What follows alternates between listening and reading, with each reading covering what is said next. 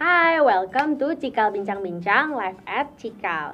Cikal Bincang-Bincang live at Cikal adalah segmen terbaru dari Cikal Bincang-Bincang podcast di mana kami mengundang CTM yakni guru atau staff untuk berbagi praktik baiknya selama di Cikal. Kali ini ada saya Winnie Suryania, konselor sekolah Cikal yang akan menjadi host dalam episode kali ini. Hari ini kita akan membahas tentang peran guru BK di tengah pandemi. Yang pertama, kita akan membahas tentang peran guru BK terhadap murid-murid dan yang kedua, peran guru BK terhadap dirinya sendiri. Dan untuk hari ini kita menghadirkan narasumber yakni Pak Rendra. Halo Pak Rendra. Halo. Pak Rendra adalah salah satu tim akademik sekolah Cikal dan juga konselor untuk uh, tingkat SMP dan SMA di Cikal. Apa kabar Pak? Baik, sehat, alhamdulillah. Sehat ya. Terima kasih Pak Rendra sebelumnya udah datang di segmen hari ini. Oke, untuk pertanyaan pertama, uh, Om Rendra boleh nggak nih sharing ke kita semua? Uh, yang pertama-tama gimana sih mengenai peran guru BK terhadap anak-anak di sekolah pada masa situasi pandemi seperti ini? Oke, baik. Jadi kalau ngomong peran guru BK, ini sebetulnya butuh banyak penyesuaian ya. Mm-hmm. untuk kita kemarin dari uh, belajar offline ketemu gitu kan bisa bisa lihat langsung sapaan langsung di kantin ketemu di koridor kelas gitu kan uh, terus ketemu di kelas juga. Mm-hmm. nah terus tiba-tiba kita berubah nih sekarang. Situasi jadi online mm-hmm. yang berarti waktu kita ketemu kan juga jadi makin sulit ya. Nah, sementara kita juga sebagai guru BK itu punya tanggung jawab untuk mengobservasi perkembangan uh, dari setiap siswa nih dari setiap hmm, murid-murid tuh kan. Baik itu perkembangan mereka secara akademik maupun perkembangan dari segi perilaku mereka juga gitu okay. ya perkembangan hmm. dirinya juga ya hmm. nah ini nih jadi tantangan banget sih sebetulnya buat uh, guru-guru BK terutama di masa pandemi sekarang hmm. gitu nah terus selain itu juga uh, kan kalau kita ingat tahun-tahun ajaran ini nih kita mulainya itu di tengah-tengah pandemi betul betul ya kan? mm okay. benar nah terus akhirnya jadinya uh, buat beberapa guru juga ini jadi tantangan nih karena uh, ketika dia diassign atau ditugaskan untuk memegang satu angkatan tertentu, mm-hmm. si guru ini nih belum pernah belum pernah betul-betul ketemu langsung sama anak-anaknya, mm-hmm. ya kan? Jadi mm-hmm. pertemuan pertama yang bisa mereka lakukan adalah pertemuan secara online. Oke. Okay. Nah, sementara di satu sisi uh, yang kita tahu juga uh, adanya pandemi ini nih itu punya banyak isu kesehatan mental ya yang muncul dari hal ini kan. baik, kan. Baik. Nah itu juga akhirnya membuat uh, apa ya membuat guru-guru BK nih lebih lebih sulit lebih punya tugas-tugas lebih nih punya tanggung jawab yang lebih untuk membangun kedekatan dengan siswa-siswa yang mereka pegang nih yang mereka uh, bertanggung jawab atas siswa-siswa tersebut gitu sih. Oke, jadi mulai dari awal lagi, hmm. apalagi sebelumnya belum pernah ketemu hmm. offline ya. Betul. Terus sekarang tatap muka atau berbincang yang perlu kedekatan tadi Pak Rendra hmm. bilang hanya melalui si media uh, apa bisa media sosial hmm. atau mungkin bahkan ya WhatsApp grup atau video call gitu hmm. ya Pak Rendra. Oke oke. Kalau dari pengalaman Pak Rendra sendiri, um, triknya gimana sih nih Pak dengan dengan cara kayak gitu Pak Rendra ada nggak sih pengalaman yang baru megang angkatan tiba-tiba hmm. pas di online terus membangun kedekatannya itu gimana ya? Oke, ini ya ini pengalaman pribadi juga sih. Hmm. Jadi uh, nih angkatan ini belum pernah ketemu sama sekali gitu kan. Okay. uh, eh, terus tiba-tiba harus ketemu mereka dia di tahun ajaran ini. Itu itu juga uh, di challenging sih di awalnya ya. Mm -mm. jadi sama sekali kayak ini siapa ya? Anak ini yang mana ya? Mukanya mm. seperti apa? Kelakuannya seperti apa? Itu kan jadi ini ya apa kayak kita pun jadi kayak bertanya-tanya gitu. Mm -hmm. nah uh, waktu yang dibutuhkan juga akhirnya untuk membangun kedekatan di tahun ini nih agak lebih banyak dibanding kalau kita ketemu secara offline. Okay. Kalau secara offline mungkin dalam satu dua bulan tuh kita udah cukup kenal uh, gambaran dinamika angkatannya seperti apa, mm. anak-anaknya juga seperti apa gitu kan ya. Mm -hmm. Nah Betul. tapi karena online ini akhirnya mau nggak mau ya emang nggak mungkin kerja sendirian nih mm-hmm. ya kan akhirnya mau nggak mau harus uh, ngobrol sama guru-guru yang mengajar di angkatan tersebut gitu okay. kan terus juga uh, koordinasi coba koordinasi, untuk ya. tanya informasi dari mereka juga mm-hmm. ya memang butuh waktu tapi pada akhirnya sih mulai kenal nih mulai dapat gambaran anak-anaknya satu persatu seperti apa okay. gitu Nah, kalau tadi Pak Rendra bilang kan itu kita juga mesti apa namanya kita mesti kerjasama ya, kayaknya itu hmm. penting banget gitu sama guru-guru, sama mungkin staff sekolah juga hmm. yang bisa mengenal anak-anak ini. Itu ada nggak sih Pak kayak waktu yang kira-kira hmm, sewajarnya berapa lama ya, ya kita melakukan terus-terusan pendekatan juga atau kerjasama terhadap guru-guru ini?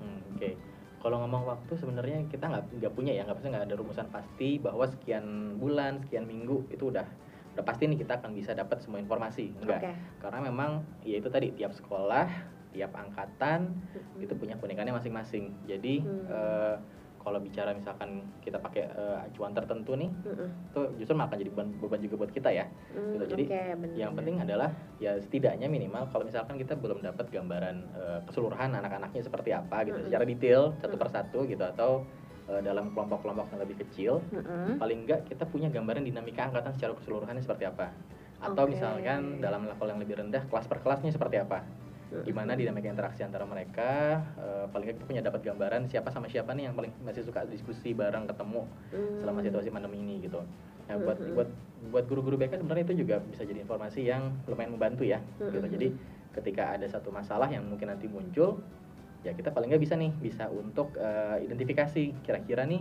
ke mana ya kita perlu cari apa cari informasi lebih lanjut Oke. perlu ke mana ya yang kita perlu eh, lakukan penanganan lebih lanjut grup yang mana nih yang perlu eh, diberikan apa ya diberikan perlakuan yang lebih dibanding teman-teman yang lain kayak gitu sih Mm, Oke, Mhm. jadi mendapatkan informasinya itu ya yang Hmm. sangat penting banget ya Pak betul Rendra. betul Jadi harus selain kita juga aktif eh, online sama anak-anak, Hmm. tapi komunikasi sama guru-guru dan informasi tadi gitu Iya, ya. betul Oke oke. Nah kalau tadi kan sebenarnya eh, cara kitanya juga menghadapi anak-anak ya yang kita Hmm. juga belum kenal. Kalaupun kita udah kenal sama anak-anaknya terus kita bingung nih eh, kegiatan apa gitu kan pasti Hmm, ini bukanlah sesuatu yang direncanakan Betul, pastinya ya iya. dan pertemuan online tuh biasanya lebih melelahkan Betul. juga eh, kita juga apa ya kayak kalau di sekolah anak-anak masih bisa melakukan aktivitas lain tapi ini kan kayak tertuju ke kita Hmm. terus Hmm, gitu hmm, misalnya Nah, eh, cara-cara Pak Rendra boleh nggak di-share gitu trik-trik kayak anak-anak di kelas kegiatan apa sih yang kira-kira mungkin bisa di-share kepada kita nih Hmm. dalam pendekatan ke anak-anak gitu. Oke,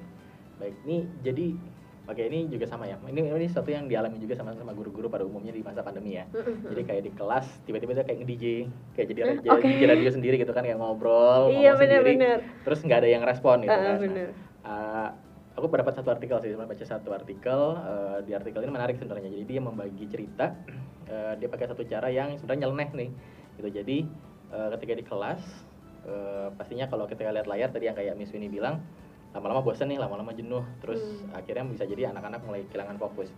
Nah, kalau aku pribadi sendiri itu di kelas ketika harus ngobrol sama anak-anak, akhirnya bikin pertanyaan nyeleneh gitu. Hmm. Jadi eh, misalkan kayak pertama nanya kabar, terus yang kedua eh, gimana kondisinya, apa yang mau dilakukan dan sebagainya. Nah, itu kan sesuatu yang kayak butuh apa ya, butuh effort tuh, mesti mikir kan, mikir Oke. serius gitu. Nah, terus tapi di tengah-tengah itu nanti diselipin kayak pertanyaan pertanyaan aneh aja gitu. Jadi misalnya kayak eh, apa ya, kayak misalnya eh, warna baju yang kamu pakai hari ini apa gitu Oke. gitu kan atau misalnya kayak nanti siang makan apa ya gitu jadi apa ya kayak kayak mencoba anak-anak untuk memberikan satu satu sinyal yang unik gitu Mm-mm. yang yang yang berbeda dari apa yang diharapkan di kelas gitu itu Mm. biasanya akan membuat mereka jadi kayak oh nggak lagi kok ada sesuatu yang Mm. aneh nih kok ada sesuatu yang menarik ada sesuatu yang unik akhirnya kita bisa membalik, mengembalikan perhatian mereka ke kelas kita lagi Oke. gitu itu satu cara yang bisa dilakukan yang kedua bisa juga sih kayak misalkan diskusi di kelas nih Mm-mm. eh, jadi sama-sama kita rumuskan bersama ada hari-hari di mana ya kita nggak bahas apa pun gitu kan kita Mm-mm. eh, bahasnya so- eh, lebih ke apa ya kayak challenge yang mau kita lakukan apa nih buat sama-sama rame-rame supaya bisa lebih fun gitu supaya kita kan tadi kan bicara soal kegiatan bermakna juga ya Mm-mm, jadi betul. kayak sebenarnya apa sih yang dibutuhin jadi kayak identifikasi kebutuhan terus kayak challenge-nya kayak gimana terus idenya juga dapetin dari mereka juga gitu Mhm. Eh, nah terus nanti ada satu hari yang yaudah kita sama-sama kayak sharing pengalaman kita ngelakuin challenge itu kayak gimana Mm. gitu itu kan eh, ya tadi ya bantu untuk bikin engagement juga di kelas gitu. Oke, jadi nggak melulu sebenarnya harus membahas progres belajar anak ya, Mhm. tapi lebih ke kayak kalau tadi aku dengar Pak Rendra tuh lebih kayak bikin mereka supaya eh, sadar situasi, Hmm. terus have fun dengan Betul. situasi yang sedang dihadapi gitu ya Pak betul Rendra ya. betul Hmm. Oke, kalau dari pengalamannya mm, ada juga nggak nih Pak Rendra Hmm. Eh, pendekatannya berbeda nih? Mungkin di sini guru-guru BK juga Hmm. kan ngajar tingkat eh, pendidikannya beda ya, ada yang Hmm. SMP, SMA gitu ya. Hmm. Eh, atau mungkin SD juga gitu ya kayak misalnya ada nggak sih pendekatan-pendekatan ke yang berbeda gitu yang kelihatan berbeda signifikan di Hmm. tiap levelnya gitu Oke, ini berarti kita bicara soal anak-anak yang kelihatan kayak butuh lebih ya Yap. rasanya ya. Oke, eh wah ini juga emang ini ini rumit sih. Eh, Hmm. Jadi kalau aku pribadi dari pengalaman akhirnya mau nggak mau itu tadi ngobrol sama guru-guru gitu kan. Oke. Ada pertemuan, kita diskusi. eh, kadang guru-guru yang lain mungkin nggak nggak pada saat itu juga me- apa ya kayak kayak aware Mm-mm. dengan kondisi anak ini. Tapi ketika kita dalam pertemuan tadi bisa sih kita angkat gitu kayak eh menurut kamu menurut kalian ini gimana progresnya? gitu. Nanti dari situ pelan-pelan akhirnya kan guru-gurunya juga ketika di kelas akan mengawasi juga ya mengawasi Hmm. anak-anak anak-anak yang ini yang memang butuh perhatian khusus. Nah, jadi kita dapat data tambahan lagi nih. Oke. ya kan? Dapat informasi tambahan lagi. Nah terus dari informasi tambahan itu ya udah kita bisa eh, sama-sama nanti susun strategi eh, terus nanti buat pendekatannya gimana nih kan tadi ya kita juga bicara soal isu pendekatan nih Mm-mm. siapa tahu anak ini ternyata selama masa online ini oke mungkin nggak dekat sama konselornya tapi Mm. dekat sama satu guru tertentu yang lain ya udah jadi kita lewat media guru ini Mm, membantu oke. si anak yang bersangkutan Oke. gitu oke. nah Mm-mm. terus eh, ya berarti kita sebagai guru BK ya akhirnya yang kita lakukan adalah membekali si guru tersebut dengan ya dengan berbagai skill sih dengan berbagai skill dengan berbagai cara pendekatan yang kira-kira bisa membantu dia untuk lebih dekat sama si eh, siswa tersebut Oke. gitu. Nah nanti juga ada diskusi rutin habis itu selanjutnya kayak gitu sih. Jadi memang Hmm. kalau ngomong pandemi susah sih emang kalau mau kerja sendirian ya. Oke oke. Jadi mau iya harus bener, harus bener. rame-rame sih ha, Oke. sama tim tim kerja kita juga. Jadi nggak usah terus eh, jadi merasa semuanya tanggung jawab sendiri juga Hmm, gitu ya hmm. Pak Rendra bahwa betul betul. kolaborasi itu sangat penting, Penting. juga ke guru-guru lain dan ya anak-anak kan beda-beda ya Hmm. deketnya ada yang nyaman ada yang enggak gitu ya Betul, Pak betul. Rendra ya. Hmm. Oke oke. Nah kalau dari pengalaman Pak Rendra sendiri nih, Oke. challenge apa sih yang pernah dihadapi em, waktu apa namanya waktu di tengah pembelajaran pandemi ini? Hmm. Challenge apa? Terus triknya apa? Challenge-nya apa? Eh, banyak sih sebetulnya. Ini kita mau bahas dari segi pribadi dulu atau dari sisi kelasnya dulu nih? Mungkin kelas dulu boleh kelas ya. dulu ya oke jadi kalau ngomong dari kelas ya tadi ya challenge-nya tuh yang kelas yang tadi udah dijabarin Mm-mm. juga masalah kenal sama anak-anaknya Anak, satu oke. persatu yang akhirnya sih mau nggak mau bikin games di kelas Oke, gitu game. jadi kayak eh, games online gimana caranya bikin introduction kayak bikin perkenalan Mm-mm. tapi perkenalannya tuh nggak cuma sekedar nama selesai siapa gitu nggak Oke. tapi kayak ada satu signature entah itu signature visual atau eh, signature secara au- audio ya karena kan kita mau nggak mau terbatas ya Mm-mm, eh, betul. gadget pakai gadget ya di sini ya. Jadi eh, kalau secara visual misalnya mereka eh, entah mungkin pakai stick apa kayak apa namanya itu kayak stiker tertentu gitu. Oh, Ya, oke kayak gitu ya. stiker yang di suka ada di Zoom atau Google Meeting itu Ah, ya. kayak Oke. gitu. Jadi kayak kayak signature visualnya kayak gitu atau ya ter- kalau mereka mau dandan sendiri dandan sendiri itu juga silakan. Hmm. Atau eh, backgroundnya jadi mereka buat backgroundnya yang emang khas gitu kan. Mm, mm, mm. Nah gitu atau dari dari secara audio misalnya mereka memakai suara-suara unik Oke. Jadi, jadi eh, itu kan juga akan bantu apa ya bantu satu teman-teman sekelasnya juga membuat asosiasi eh, apa ya antara si individu tersebut dengan satu hal yang unik Hmm, mm, gitu mm, kan mm. gitu. Jadi eh, misalnya salah satu siswa nih ada yang tiba-tiba eh, backgroundnya dia pakai eh, outer space gitu. Oke. Nah, gitu ya. Dia bikin sendiri gitu. Dia coba buat sendiri karena dia memang yang ketertarikan itu. Nah, jadi teman-temannya jadi punya asosiasi sini. Oh, si siswa A ini dia nih ada eh, apa namanya? diingatnya karena si background space-nya tadi gitu. Oke, oke. Atau yang satu lagi karena tertarik misalkan dengan eh, K-pop gitu terus Mhm. tiba-tiba semuanya di belakang eh, banyak banyak nuansa K-popnya. Jadi si siswa ini di, diasosiasikan dengan si nuansa K-pop tadi Oke. kayak gitu atau ya dengan suara tertentu tiba-tiba kayak misalnya eh, memperkenalkan dirinya dengan sambil nyanyi gitu kan nah jadi Hmm, tahu nih asosiasinya bahwa ya. si ini dia namanya itu tuh dia sebutkan sambil sambil pakai melodi tertentu jadi semuanya tahu oh oke si anak ini yang kemarin Seneng sambil nyanyi nyanyi gitu kayak gitu itu itu untuk bantu ini sih untuk bantu mengingat satu sama lain sih Oke, jadi oke banget ya Pak Rena sebenarnya Hmm. udahlah kita kenalan dengan Hmm. cara yang tidak membosankan. Mhm. Terus kita jadi tahu juga eh, kesukaan masing-masing anak, Hmm. termasuk gurunya juga kali ya. Betul, Pak iya. Rena juga ikutan waktu itu. Ya, harus ikutan Oh, harus mau. ikutan. Oke, pakai stiker apa nyanyi juga nih jangan-jangan. Enggak ya? Enggak, dandan biasa aja gitu Oke, oke. Iya, iya, sip-sip. Jadi Mhm. jadi sebenarnya games itu kuncinya juga ya. Mhm. Games dan sesuatu yang menarik ya apalagi di Hmm. usia anak-anak itu yang bisa bikin engage juga ya Pak Rendra ya lagi pembelajaran. Nah itu uh, sering dilakukan di awal di tengah atau di akhir pembelajaran nih Pak Rendra? Kalau itu sebetulnya ya tergantung dari kita ya maksudnya. Oke. jadi tidak ada ketentuan khusus apakah itu harus langsung- harus selalu di awal enggak. Tapi kita lihat aja suasananya. Kayak kok makin lama kita merasa kayak ini kok makin apa ya keterlibatan engagementnya anak-anak kok makin berkurang gitu Hmm. kehadirannya juga makin berkurang ya mungkin kita bisa menyelipkan itu di tengah-tengah Hmm, gitu oke. kan itu jadi untuk eh, kayak pakai intermezzo ice breaking penyemangat Oke, Ah, oke. ha, ha. buat anak-anak untuk hadir lagi ya kalau mau di depan tadi ya itu introduction untuk lebih mengenal Mm-mm. ya kalau di akhir juga boleh jadi kayak celebration itu juga kan bisa aja Hmm, hmm, hmm. kita Iya, terapkan betul, kayak gitu ya. ha. jadi memang Hmm. fleksibel tergantung kebutuhan sih kita mau taruh di mana Oke dan kita lihat Hmm. tadi juga Pak Rendra bilang harus lihat situasi ya. Berarti Betul, kitanya betul. juga harus peka dan keadaan anak-anak ini Hmm, ya. betul sekali Oke oke. Wah keren banget Pak Rendra nih eh, apa trik and triknya juga challenge-nya. Jadi eh, mudah-mudahan ini cara-caranya yang bisa sangat diaplikasikan juga di teman-teman guru BK di tengah pandemi Betul, seperti ini. Nah tadi kita udah bahas tentang peran guru BK eh, Hmm. terhadap siswanya gimana interaksinya terutama juga di sekolah apalagi masa pembelajaran online. Sekarang nih pertanyaan juga yang kedua nih Pak Rendra Oke. ya poin kedua yang nggak kalah pentingnya nih Nah, terhadap diri sendiri kan per- guru BK kan Hmm. mostly memang eh, sosial person ya maksudnya orang yang Hmm. suka bersosial terus juga engage sama orang lain. Tapi kan di tengah-tengah ini guru BK sendiri juga ada challenge terhadap dirinya sendiri gitu kan Pak mhm, Rendra. Nah kalau Pak Rendra sendiri mungkin kita berangkat dari Pak Rendra ya. Ada nggak sih pengalaman challenge diri sendiri menjadi guru BK di tengah pandemi?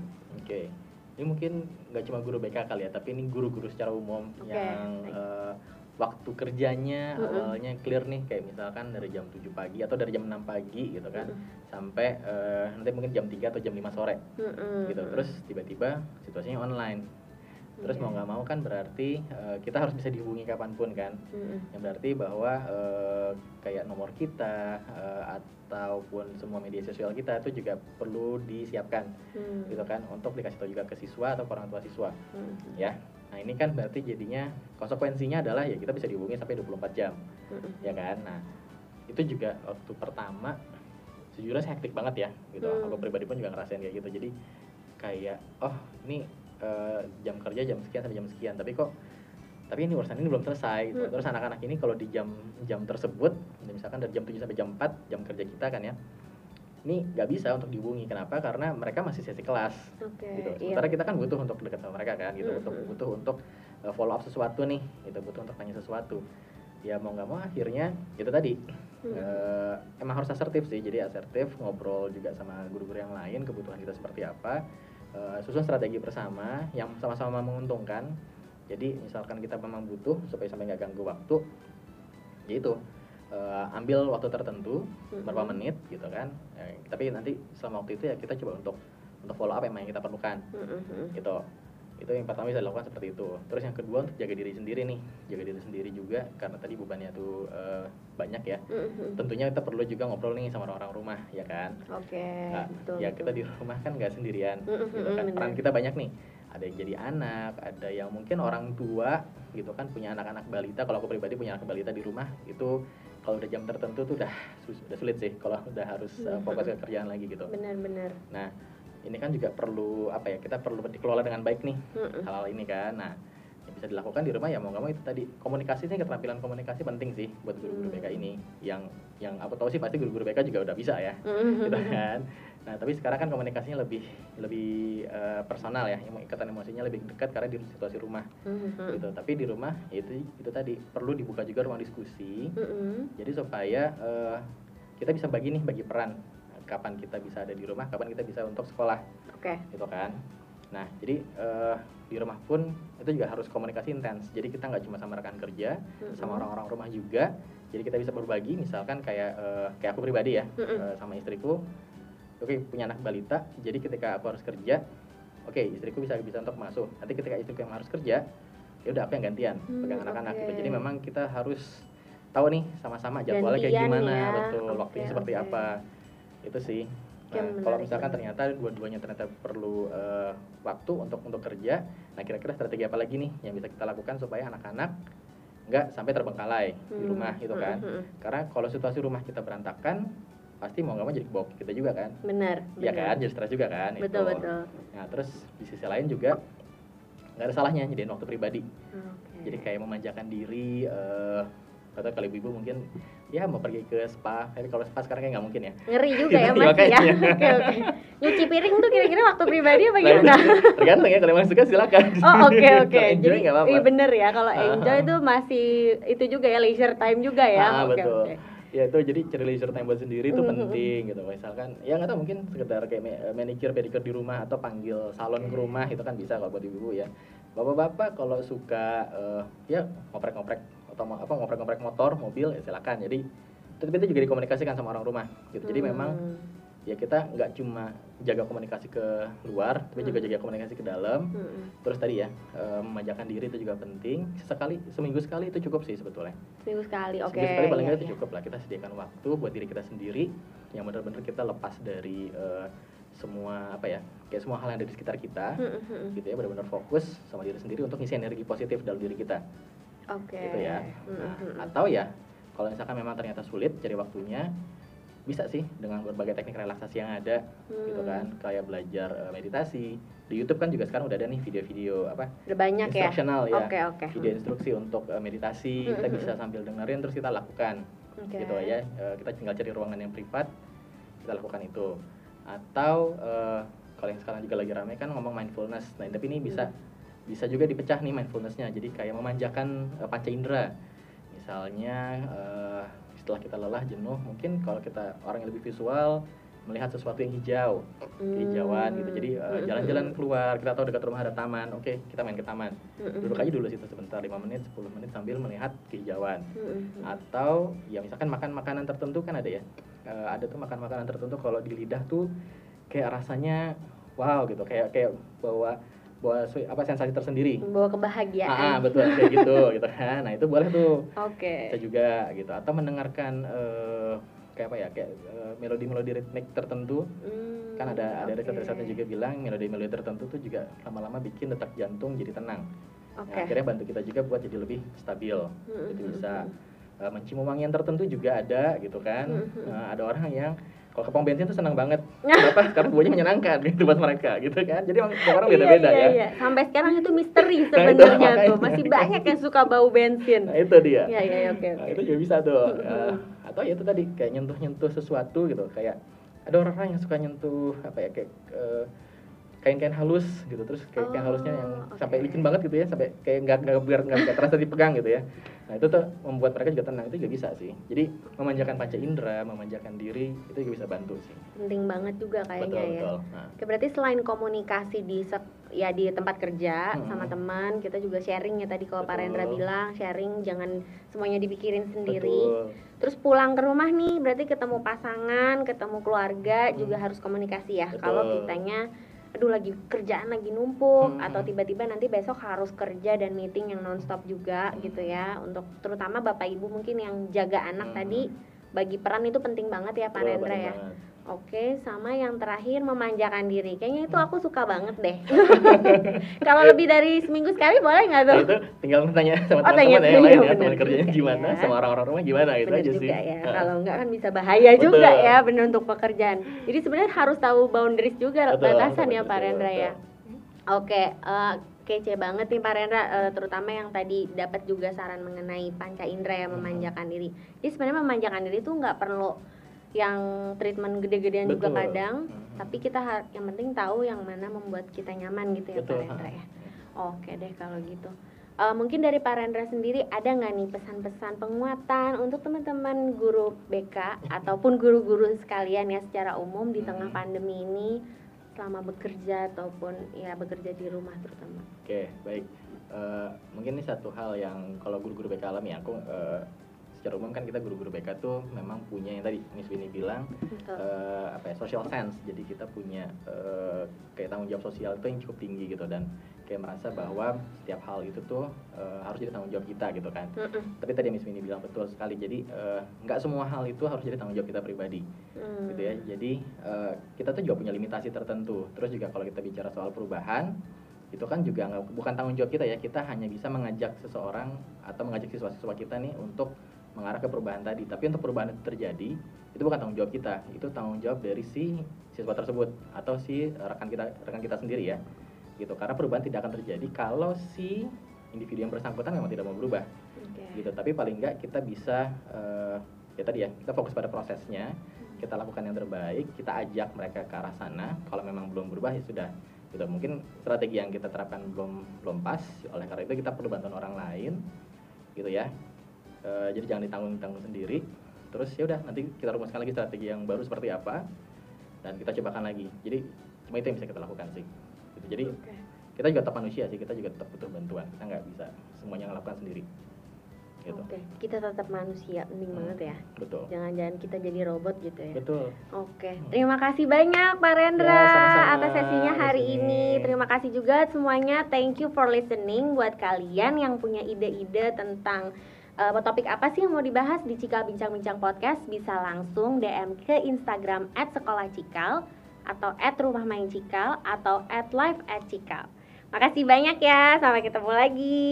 Thank you Pak Rendra. ya sama-sama